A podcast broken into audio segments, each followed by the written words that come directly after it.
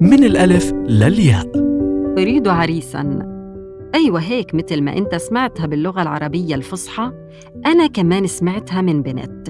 وكتير ناس لما تسمعها من أي بنت بيكون شعور الصدمة ظاهر على ملامحهم لأنهم متوقعين إنه مش لازم البنت تعبر عن مشاعرها أو احتياجها خاصة بهذا الموضوع تحديداً. مع إنه لما نفكر بشكل عميق في هاي الجملة بنصير نردد بيننا وبين حالنا. إنه آه من حقها تعبر بالطريقة اللي هي قادرة تعبر لكم فيها عن احتياجها الحقيقي لتكوين أسرة لأنه هي فعلاً محتاجة تتزوج وتعيش مع شريك.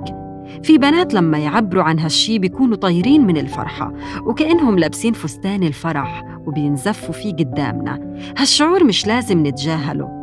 صحيح مش بإيدينا نجيب عريس لكل بنت لكن المهم إنه ما نكسر بخاطر أي حد بيعبر عن رغبته في الزواج وبيعلنها بشكل صريح.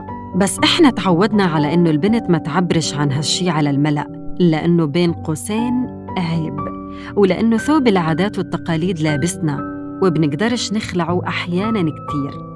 ولأنه ببساطة أنت مولود في مجتمع هيك بده ماذا لو كان من الألف للياء ما نتجاهل مشاعر البنات لما يعبروا فيه عن احتياجهم الشديد لتكوين عيلة؟ لأنه قديش بالنسبة إلك الأمر مضحك بس هو قاسي لهاي البنت اللي بتطلب إشي من المستحيل للممكن يصير. بس لما القدر يلعب لعبته الجميلة معها ويبعت لها بالعريس المناسب مثل ما هي بتتمنى وبتحلم.